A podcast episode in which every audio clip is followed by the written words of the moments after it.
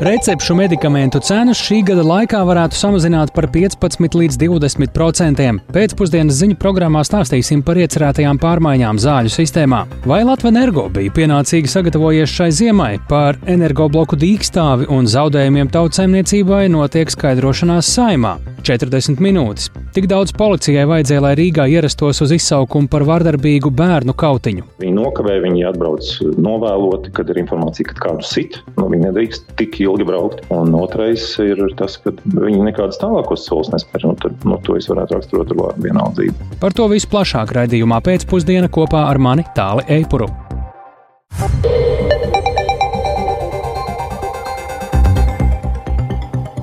Pūkstens rāda 16,5 minūtes, skan Latvijas radio viens pēcpusdienas ziņu programma, skaidrojot šodienas svarīgus notikumus. Studijā tālāk Eipurs. Labdien! Vai jau gada otrajā pusē par zālēm maksāsim mazāk? Ar šādu mērķi recepšu medikamentu cenas samazināt par 15 līdz 20 procentiem, līdz vasarai taps medikamentu pieejamības uzlabošanas plāns. Izmaiņas visvairāk varētu sajust seniori un cilvēki ar hroniskām slimībām. Tā saimnes komisija kopsēdē pavēstīs veselības ministrijas parlamentārais sekretārs Arķoms Uršuļskis. Vienlaikus par pievienotās vērtības nodokļa pazemināšanu zālēm varētu lemt ne agrāk kā nākamgad. Par iecerētajām pārmaiņām zāļu apritē klausāmies Jāņa Kīņša ierakstā. Latvijā medikamenti ir dārgāki nekā Baltijas valstīs gan uzcenojumu, gan arī augstākas pievienotās vērtības nodokļu likmes dēļ. Latvijā ir spēkā 12% pazeminātā PVN likme medikamentiem, Igaunijā 9%, bet Lietuvā 5% kompensējumiem medikamentiem, bet pārējām zālēm 21%. Latvijā PVN recepšu zālēm varētu pārskatīt kontekstā ar citām nodokļu izmaiņām. Plašākus risinājumus zāļu pieejamības uzlabošanai veselības ministrija gatavos jau ātrāk. Latvijā medikamentu lieltirgotavu un aptieku uzcenojumam nav fiksēts maksimums, kāds tas ir noteikts piemēram Lietuvā. To plānots pārskatīt. Uzcenojuma sistēmas izmaiņas gatavos līdz šā gada jūlijam. To saimnes sociālo un darba lietu komisijas un sabiedrības veselības apakškomisijas deputātiem klāstīja veselības ministrijas parlamentārais sekretārs Arķoms Uršuļskis. Šī gada pirmajā pusgadā plānojam izveidot vienotu uzcenējumu veidošanas mehānismu visām recepšu zālēm gan kompensējumām, gan nekompensējumām. Tādējādi mēs skatāmies uz to, ka šie soļi varētu samazināt arī, protams, gala cenu zālēm un arī mazināt attieku atkarību no lielturgotavām. Atšķirības starp nekompensējumām un kompensējumām ir diezgan lielas, un mēs plānojam tos lielākos piecinājumu griezus padarīt mazākus un izveidot vienotu sistēmu. Veselības resorā šogad paredzēti papildu vēl 30 miljonu eiro kompensējumu medikamentu sarakstu papildināšanai, kā arī daļas kompensāciju palielināšanai. Tām zālēm, kas ir kompensējumā zāļu sarakstā, ir dažādi kompensācijas apmēri - 50%, 75, 90, 99, 100. Arī šo sadaļu mēs piefinansējam klāt no valsts, paredzot tās zāles, kas šobrīd kompensēs 50% apjomā, palielināt to kompensāciju apjomu līdz 75.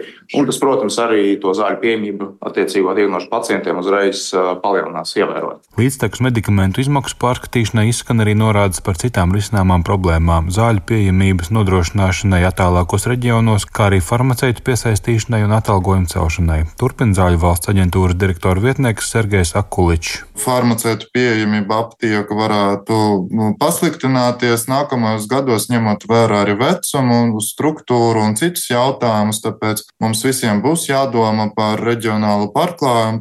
Pagaidām veselības ministrijas ziņojumā konkrētu aprēķinu un uzcenojumu ierobežojumu piedāvājumu vēl nav. Plāna ieceres atbalsta farmaceitu un aptieku biedrības, taču daļa nozars gatavojas aizstāvēt zāļu piecinojumu aprēķinus.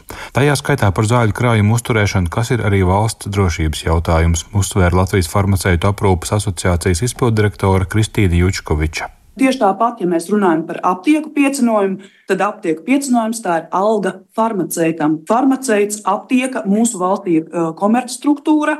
Tā nav valsts struktūra. Tas nozīmē, to, ka farmaceits savu algu nopelna pats. Šī gadījumā par valsts iesaisti mēs runājam. Aptieku uzņēmumu aprēķini liecina, ka kompensējuma medikamentu sistēmas apkalpošana šo, šobrīd nav rentabla.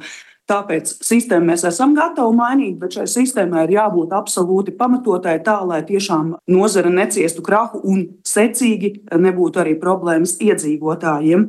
Veselības ministrijas ieskatā zāļu pieejamības uzlabošanas plāna ieviešana jau šā gada otrajā pusē ļautu recepšu medikamentu cenas pazemināt par 15 līdz 20 procentiem. Konkrētāks plāna aprises atspoguļos lēmumu un izmaiņas daudzos normatīvajos aktos, kuru izstrāde turpināsies līdz jūlijam. Jānis Kincis, Latvijas Radio. Tik tālu par to, cik maksājam un maksāsim par zālēm, tagad par to, vai nepārmaksājam par elektrību. Cik gatavs ziemai ir bijis uzņēmums Latvenergo un vai iedzīvotāji, kas par elektrību maksā biržas cenu, nav tāpēc kļuvuši par zaudētājiem? Par to šodien notikusi skaidrošanās saimā. Iemesls janvāra sākumā piedzīvotās dramatiskās elektrības cenu svārstības. Apvienotais saraksts šī frakcija uzskata, ka Latvijas energo nebija pienācīgi sagatavojusi savas tec ražotnes stabilam un drošam darbam ziemā. Tāpēc Saimnes komisijā šodien skatīts pārtīs pieprasījums ekonomikas ministram un klimata un enerģētikas ministram skaidrot Latvijas energo energobloku dīkstāvi un ar to saistītos zaudējumus tautsēmniecībai. Kas sēdē izrunāts un panākts, klausāmies Agnijas Lazdeņas ierakstā.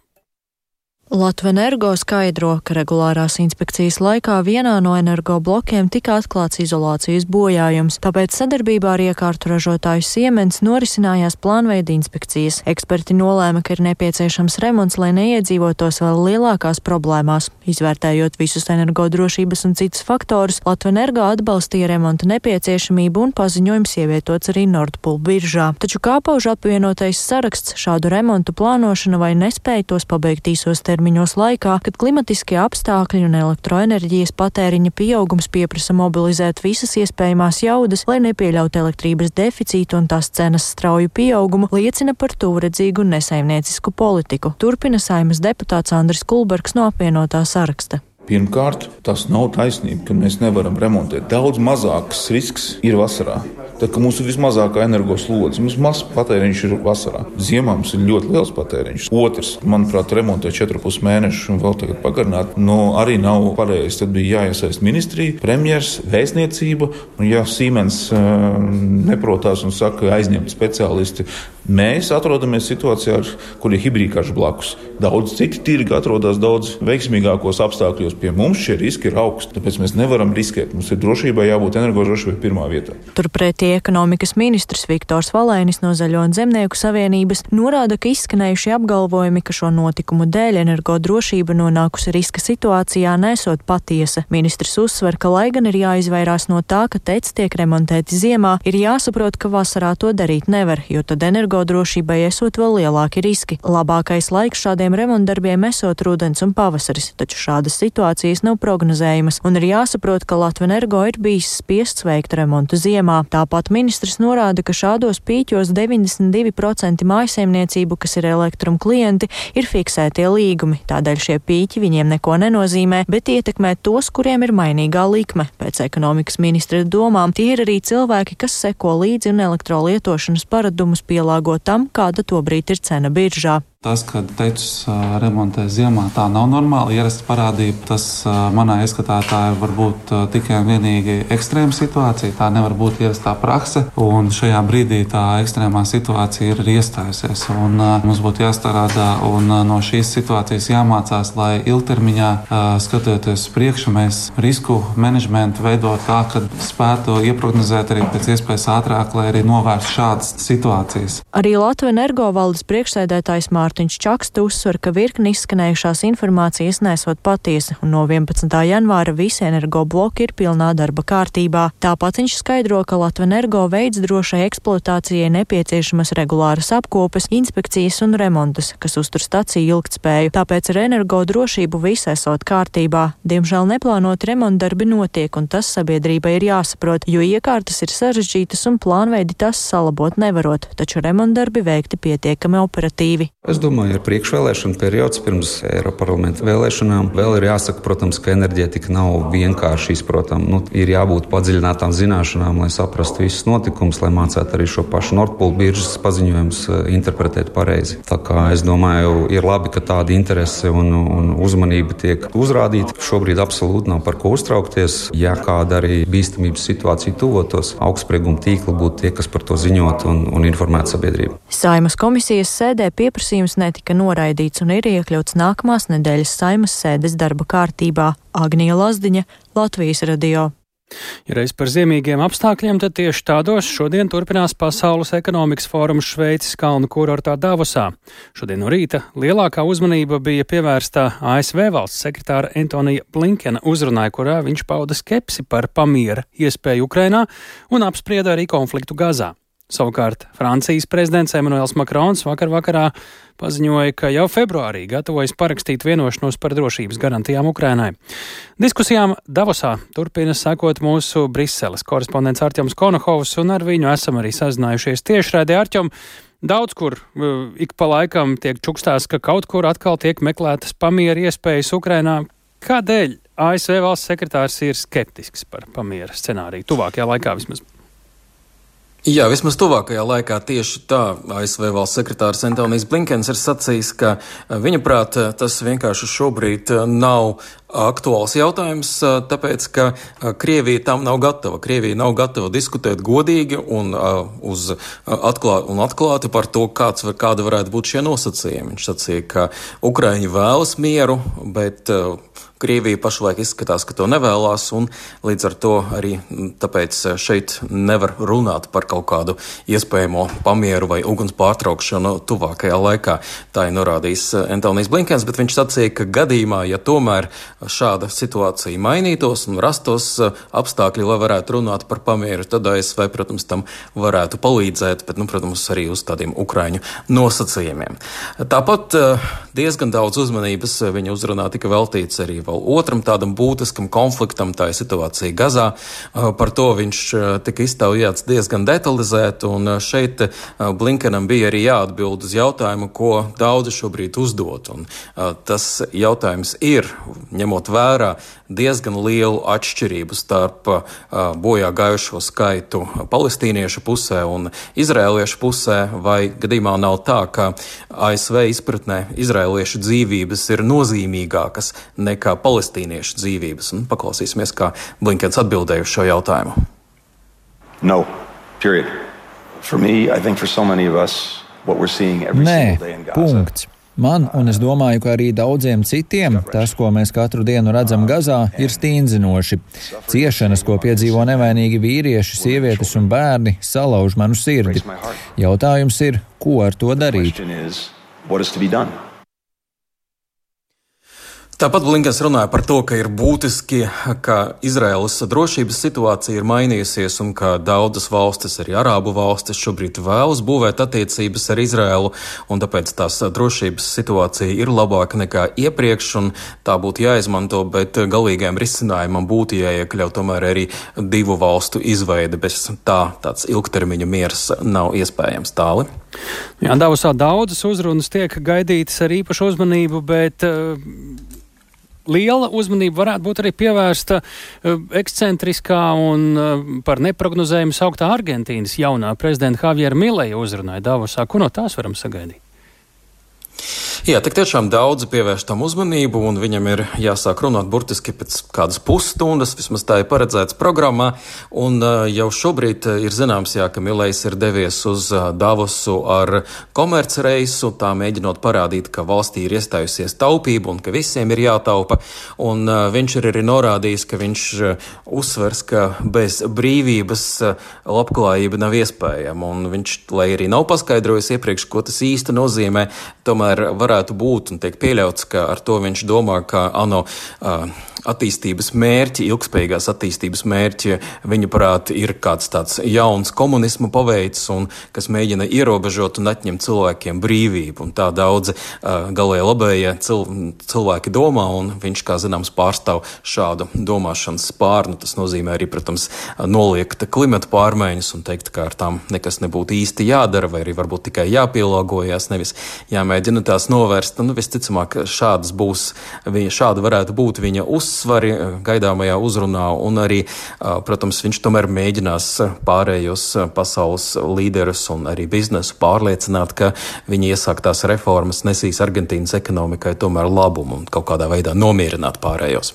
Nu, tas viņam gan būtu jādara, zinot Argentīnas ekonomikas kritisko stāvokli. Lielas paldies Arķimam Konokovam tik tālu par Dāvos Pasaules ekonomikas fórumu. Tas vēl turpinās un būs arī vēl citas ziņas eh, tuvākajā laikā, bet eh, šobrīd eh, ziņa no Krievijas. Tur vairāk tūkstošu, tūkstošu cilvēku šodien un ne pirmo dienu pulcējās pie Baškortastānas republikas pilsētas Baimakas rajona tiesas, pieprasot atbrīvot šorīt notiesāto vietējo aktīvistu Failu Alsinovu.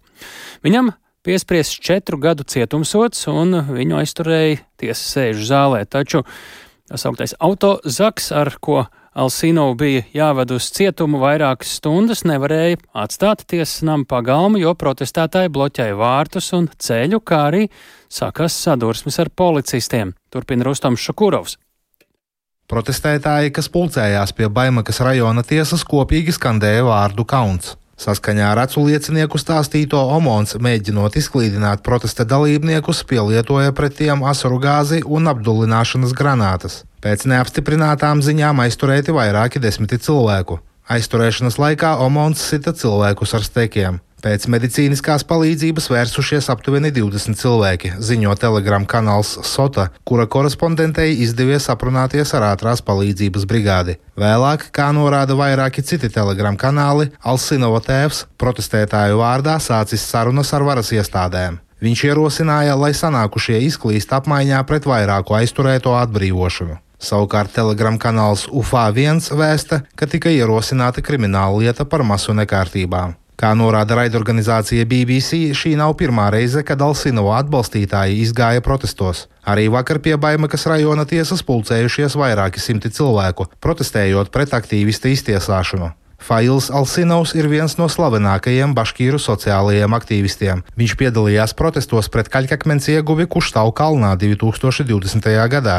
Tiesa Alsinovu notiesāja par etniskā naida izraisīšanu saistībā ar viņa izteikumiem pret zelta ieguvi rīkotajā mītiņā pagājušajā gada aprīlī. Aktīvists esot tolaik teicis, ka armēņi dosies pie savām ģimenēm un savām mājām, krievi uz savu Rizaņu, tatāri uz savu Tatarstānu.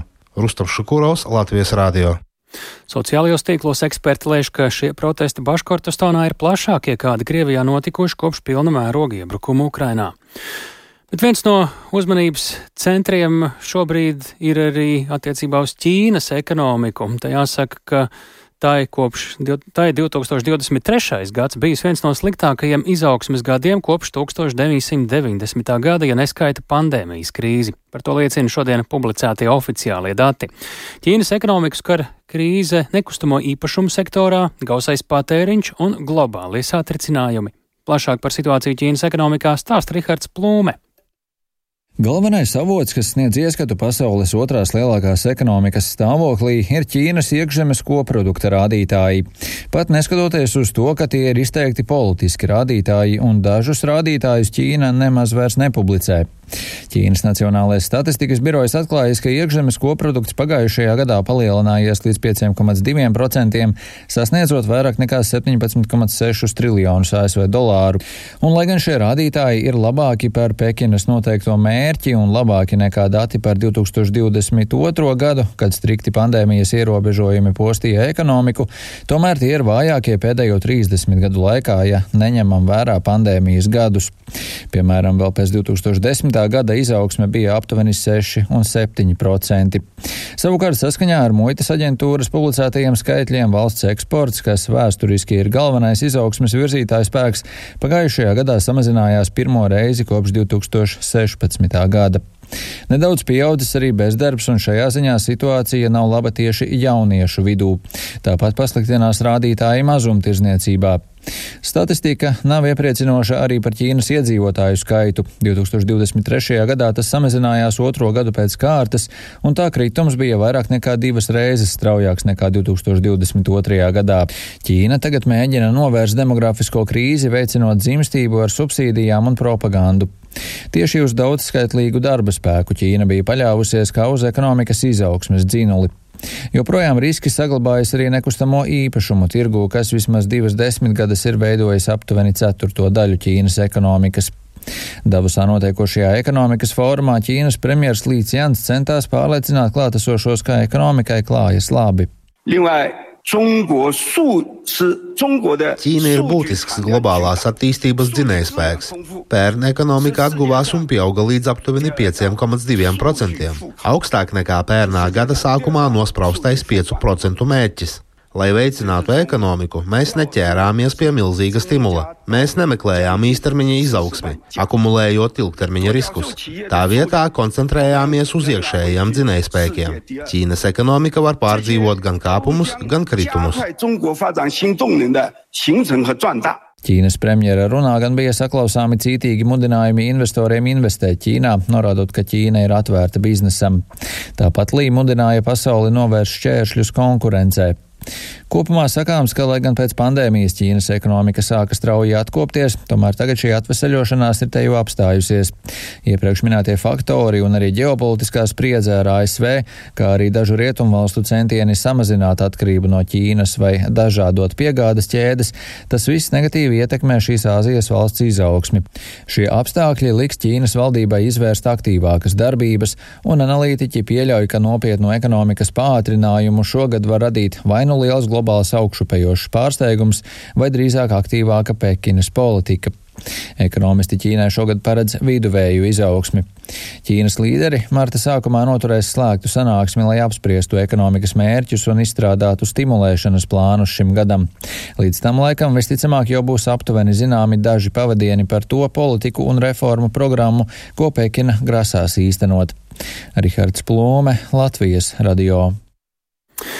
40 minūtes tik daudz policijai vajadzēja, lai Rīgā ierastos uz izsaukumu par vardarbīgu bērnu kautiņu, un, lai godinātu pagājušā gada labākos Latvijas sportā, jau šovakar pasniegs trīs zvaigžņu balvas. Šie un citi temati redzījumā pēcpusdienā tuvākajās minūtēs.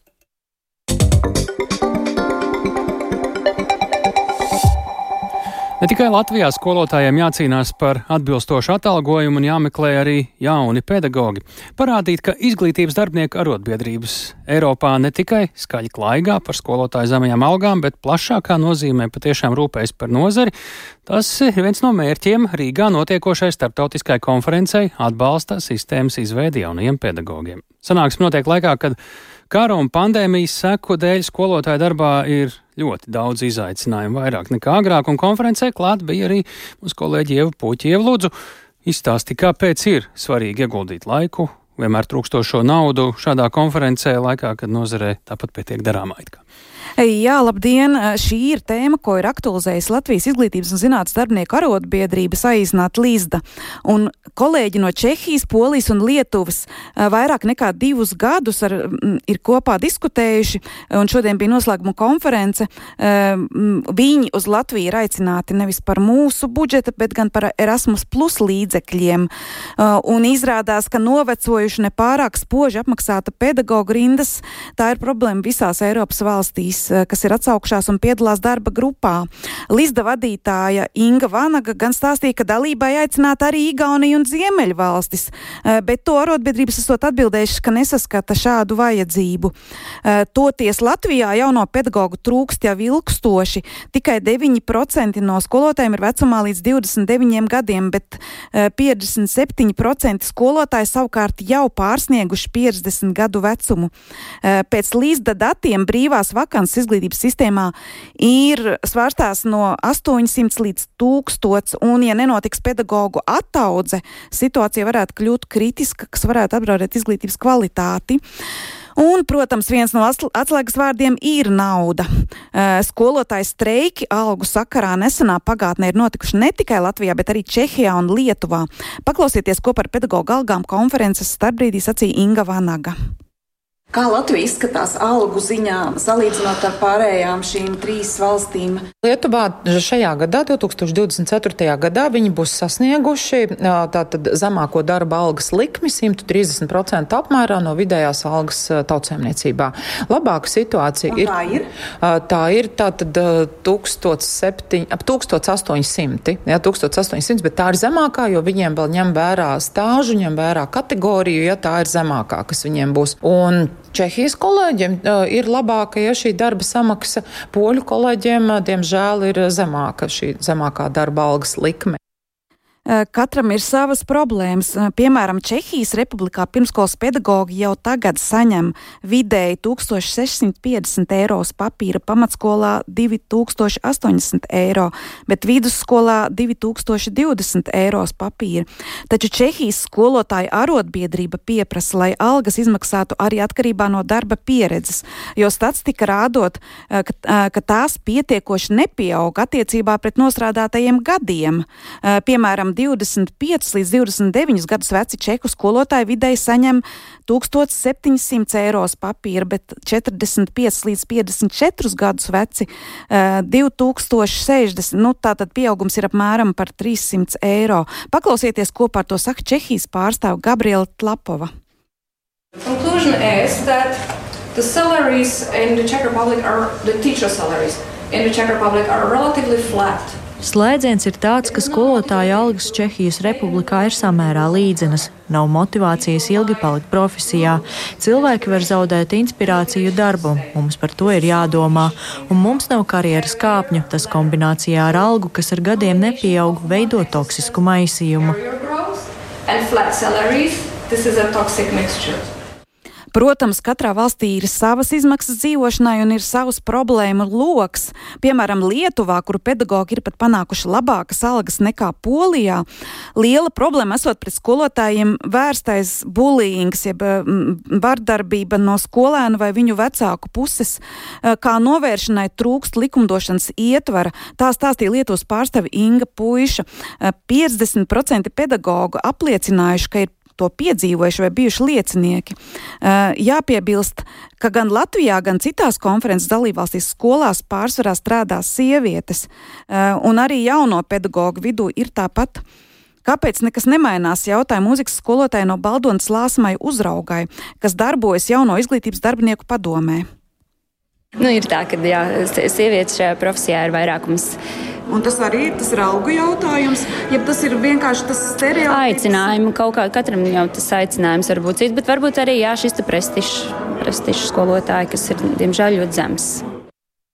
Runājot par pozitīvajām tendencēm, topošo pedagoģu motivēšanai valsts no šī gada ir sākus izmaksāt, izmaksāt 300 eiro liels stipendijas eh, pedagoģijas studentiem. Tik tālu tātad par pedagogiem un salīdzinājumu, kā ir citās eh, zemēs. Tepat eh, Latvijas eh, reģionā dzirdējām arī pieminam vārdarbību pret pedagogiem Lietuvā, bet pat Latvijā, diemžēl, varam runāt par kārtējo bērnu un jauniešu savstarpējās vārdarbības gadījumu. Uz izsaukumu par cietsirdīgu bērnu kautiņu, kas notika Rīgā Mešciemā, netālu no skolām, policija braukusi 40 minūtes. Šajā laikā kautiņā iesaistītie jau bija paspējuši izklīst.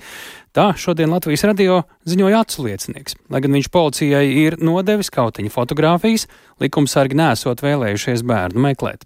Plašāk gatavs stāstīt kolēģis Viktors Damītos. Viktor, kādi ir atsliecinieku novērojumi, kāpēc policija uz izsaukumu braukusi tik ilgu laiku, Izstāsti, kas tev ir zināms. Jā, sveicināti. Nu, Aculiecinieks teica, ka vakar ap diviem dienām mežciemā netālu no Biķernieka un Hipokrāta ielas krustojuma ir redzējis, kā apmēram 4. un 5. klases vairāki bērni kaujas, nu, precīzāk viens pārda guļošu vienaudzi pa muguru, bet pārējie stāv blakus un vēro. Aculiecinieks notikušo novērojis braucot automašīnā un pēcāk viņš tiem jauniešiem esot pietuvojies, izsaucis policiju, taču pats nesot vēlējies viņus izšķirt, jo tas viņa prāt ir jādara pareizi. Vēlāk zēni devušies katrs uz savu pusi un pat aizbrauca ar autobusu projām. Un visu to laiku atsliecinieks vairāk kārt sazinājās ar policiju, kur atbildējuši, ka ekipāža ir ceļā. Viņš man arī atsūtīja tos zvanu reizi, cik viņš reizes ir zvanījis likumsargiem. Gala rezultātā likumsargi ieradušies 1,40 minūtes pēc izsaukuma, un pieminētais atsliecinieks ir Gīns Kauniste, kurš pirms daudziem gadiem ieguvis izglītību Policijas akadēmijā. Vēlāk strādājis arī par skolotāju palīgu, tā viņš teica, un stā, viņš arī stāsta, ka policijai nodevis kautiņu fotogrāfijas, taču viņš ir šokēts, ka policija bērnus nesāka meklēt. Bet nekāda soļi, nu, tā man arī tika pateikts, ka uh, netiks veikta īsti bez skaidrojuma. Lai gan ir šis valsts pārvaldes iekārtas likums, 54. pāns, kur ir pateikts, ka iestādes, lai veiktu savas funkcijas, sadarbojās. Kāpēc tas nenotiek? Kāpēc ne valsts policija to neveic? Kāpēc viņi nevēršās pie, pie pašvaldību policijas, pie šī bērnu likuma pārkāpuma profilaks nodaļas? Nu, tas, es domāju, ka tas tā nav laba pārvaldība, un viņi, viņi nedara to, ko principā viņiem šīs regulējums uzliek par pienākumu darīt mūsu visdrošībai. Viņi, viņi nokavē, viņi atbrauc novēloti, kad ir informācija, ka kādu sit. Nu, viņi nedrīkst tik ilgi braukt. Un otrais ir tas, ka uh, viņi nekādas tālākos solis nespēr. Nu, tad, nu, to es varētu raksturot ar vārdu vienaldzību. Tālūk, um, Gīns Kauniste, aculiecinieks, jā, Latvijas radio no valsts policijas noskaidroja, ka likumsargi braukuši pat 44 minūtes. Kāpēc tik ilgi, skaidro valsts policijas pārstāvja Gita Gžibovska. Policijas ierašanās prasīja ilgāku laiku nekā ierasts, ņemot vērā, ka otrdien bija sniegputenis, kas ievērojami apgrūtināja satiksmi un jebkura auto vadītāja nevien policijas pārvietošanos pa pilsētas ielām, kā arī bija sevišķi liels izsaukumu skaits. Policija notikuma vietā no izsaucēja ir pieņēmusi fotografiju ar bērniem, kuri atradušies notikuma vietā, un pievērš pastiprinātu uzmanību vietām, kur varētu pulcēties nepilngadīgie. Šobrīd policijā nav vērsies neviens iedzīvotājs, kura bērns varētu būt cietis šajā kautiņā. Jā, un dzirdējām arī pēdējo teikumu, ka neviens nav vērsies, un tas nozīmē, ka policija arī to lietu neturpinās. Es saku, nu kā, bet, bet uh, ir lūk bildes, bet neviens nav sūdzējies, respektīvi tad tālāk neturpināsies. Bet uz šādu izsaukumu tad pilsētā uh, policija bija jāierodas 25 minūšu laikā, tā Gžibovska saka. Tā, tik tālu tā tad par šo situāciju, bet, Viktor, saki, nu, pēdējos mēnešos šis netuvu nav pirmais bērnu vai jauniešu vardarbības gadījums. Pagājušajā nedēļā Jūrmalā viens jaunietis otru pat nogalināja, ziņojam arī par pusauģu paveiktu slepkavību Rēzeknē, bet Pavasarī bija arī kautiņa imantā atceramies, turklāt tiesību sargi šajos gadījumos īpaši aicina sabiedrību būt aktīviem, ziņot. Un šajā reizē mēs ciemā izstāst, ka nu, te, tas nav īpaši attaisnojies kaut kādā veidā, ko no tā varam secināt. Jā, nu, es arī runāju ar Gintu Jankovski, kas ir biedrības laiks jauniešiem vadītājs. Viņš darbojas ar jauniešiem Bauskā, Zemgalē, bet arī ar rīdzniekiem un daudz vietā kopumā Latvijā. Un tas secinājums, ka viņa secinājums, ka prioritāri izsaukumi varētu būt, jā, tā tad arī šajās reizēs vairāk kādi svarīgi, bet ņemot vērā, ka tas bija bērnu kautiņš, nu, policijai bija tomēr jāatrod resursi un iespējas nonākt pēc iespējas ātrāk, bet kā vispār šo vērtēt, lūdzu noklausīsimies Jankovski. Mēs šobrīd strādājam jau ar reālām sekām. Mēs šobrīd to apslāpējam, bet ilgtermiņā tas nekādā veidā neglābs teiksim, šīs situācijas, kas nāks ārā viena pēc otras. Ja? Protams, es ceru piesiet šobrīd pie koka un ceru, ka tā nebūs, bet manā izpratnē ir jāstrādā jau šobrīd ar 10 gadīgiem, 11 gadīgiem, es pat teiktu, pat 9 gadīgiem, problēma sakne ļoti bieži arī ir mājās. Ja? Mēs redzam tikai to, kas iznāk ārā, neapmierinātība skolā, neapmierinātība citur. Ja? Tas ir jāskatās daudz kompleksāks variants, un to varēs izdarīt tikai strādājot visiem kopā - skolām, organizācijām, pašvaldību jauniešu centriem, kur apmeklē interešu izglītībā. Jā, un es arī vērsos pie Rīgas domas ar jautājumu, un, jo arī pats ziņotājs ir noziņojis, ka viņš vērsies pie Rīgas domas, taču pašvaldība teica, mēs neko nevaram komentēt, jo neviens, ne pie skolas, kas ir blakus tam kautiņam, neviens nav vērsies attiecīgi, nekādas informācijas pašvaldībai nav. Viss notiek klusu, tad tur arī paliek. Tad tā sanāk šobrīd, pat ja par to tiek ziņots. Paldies Viktoram Demīdovam! Dodamies uz Liepāju. Liepājā sāks īstenot industriālā parka attīstības projektu kārtu bijušās rūpnīcas Liepājas metalurgas teritorijā. Ir paredzēts izbūvēt elektrotīklu, trīs ielu posmus ar inženierkomunikācijām, un tas ļautu ne tikai daļai padarīt publisku bijušajā metalurģijas uzņēmumā šo teritoriju, bet arī piesaistīt investorus. Tikmēr sanācijas un vides attīrīšanas darbiem nepieciešamais finansējums vēl tiek meklēts, sadarbojoties ar valsts vides dienestu. Vairāk Ingas Ozols ierakstā. Metālurga teritorija klāj sniegs, bet vējš klaudzina pamestās konstrukcijas. Zem milzu nojumas joprojām redzamas kaudzes ar metālu užņiem. Šonadēļ bijušā metālurga teritorija apmeklē jaunais valsts vidas dienesta Dienvidrietumu reģionālās vidas pārvaldes direktors Hardijs Verbels. Viņš klātienē šīs vietas redz pirmo reizi, sakot, ka milzu metāla kaudzes šeit nav problēma un ir melnais zelts. Daudz lielākas raizes sagādā kas cits, kam jārod finansējums. Ļoti liels darbs mums visiem kopā ir priekšā. Jāskatās, iespējams, ka ir iesaistām Eiropas projekti sanācijai vai atsevišķām lietām, kur tālāk ir arī mazudīķis un, un, un, un nenodotie atkritumi gadu gadiem, kad varbūt iespējams ir kaut kādas Eiropas naudas vismaz mazudīķa pārtīrīšanai, un pārējās lietas jau ir laika gaitā jāsakārto lēnām. Arī Liepājas speciālās ekonomiskās zonas pārvaldnieks Ulris Kmiļevskis uzsver, ka šobrīd vidas attīrīšanai bijušā metālurgu teritorijā finansējums nav, taču ir spērts solis, lai sāktu veidot industriālu apārka teritoriju. Pirmkārt, tiks sakārtot elektroapgāde, skaidro Ulris Kmiļevskis. Tad, tad izbūvēt elektrotīklu. Esošā elektroapgāde ir koncentrēta uz Martena cehu, Martena tehnoloģiju. Tā ir 6 kV sistēma. Tāda faktiski Latvijā nekur netiek izmantota, tikai kaut kādos atsevišķos objektos, iekšējos tīklos. Tad būs 10 kV elektroapgādes sistēma, līdzīgi kā tas ir visur citur. Un uzņēmumiem, kuri nāks iekšā teritorijā, tad būs iespēja jau pieslēgties pie elektroapgādes tīkla, kas ir ļoti būtiska sadaļa. Ja nav elektrības, tad ražošana nevar notikt. Otrs būtiskākais darbs būs ielu izbūve. Kā zināms, bijušā metālurga teritorijā ir iespaidīgs mērogs. Tā ir gluži kā pilsēta pilsētā. Turpinasies pārvaldnieks. Viena daļa ir tātad iebraukšana esošā caurlaide, kad mēs braucam iekšā uz Martinu cehu. Tātad tur tiks izbūvēta jauna iela, kas nodrošinās piekļuvi jau diezgan plašai teritorijai, daudzām ēkām. Otra ielu grupa taps tuvāk satiksmes iela, Meldru iela, izveidojot tur dažus jaunus kvartālus, tad radot iespēju piekļūt teritorijas, var teikt, austrumu pusē. Interesi investoriem par šo teritoriju esot liela, skaidro Miļevskis. Nākotnē plānots piesaistīt privātās investīcijas vairāk nekā 275 5 miljonu eiro apmērā un no jauna radīt vismaz 1500 darba vietas. Bijušā metālurga teritorija turklāt robežojas ar Liepājas ezeru, kas ir īpaši aizsargājumā dabas teritorija Natūra 2000.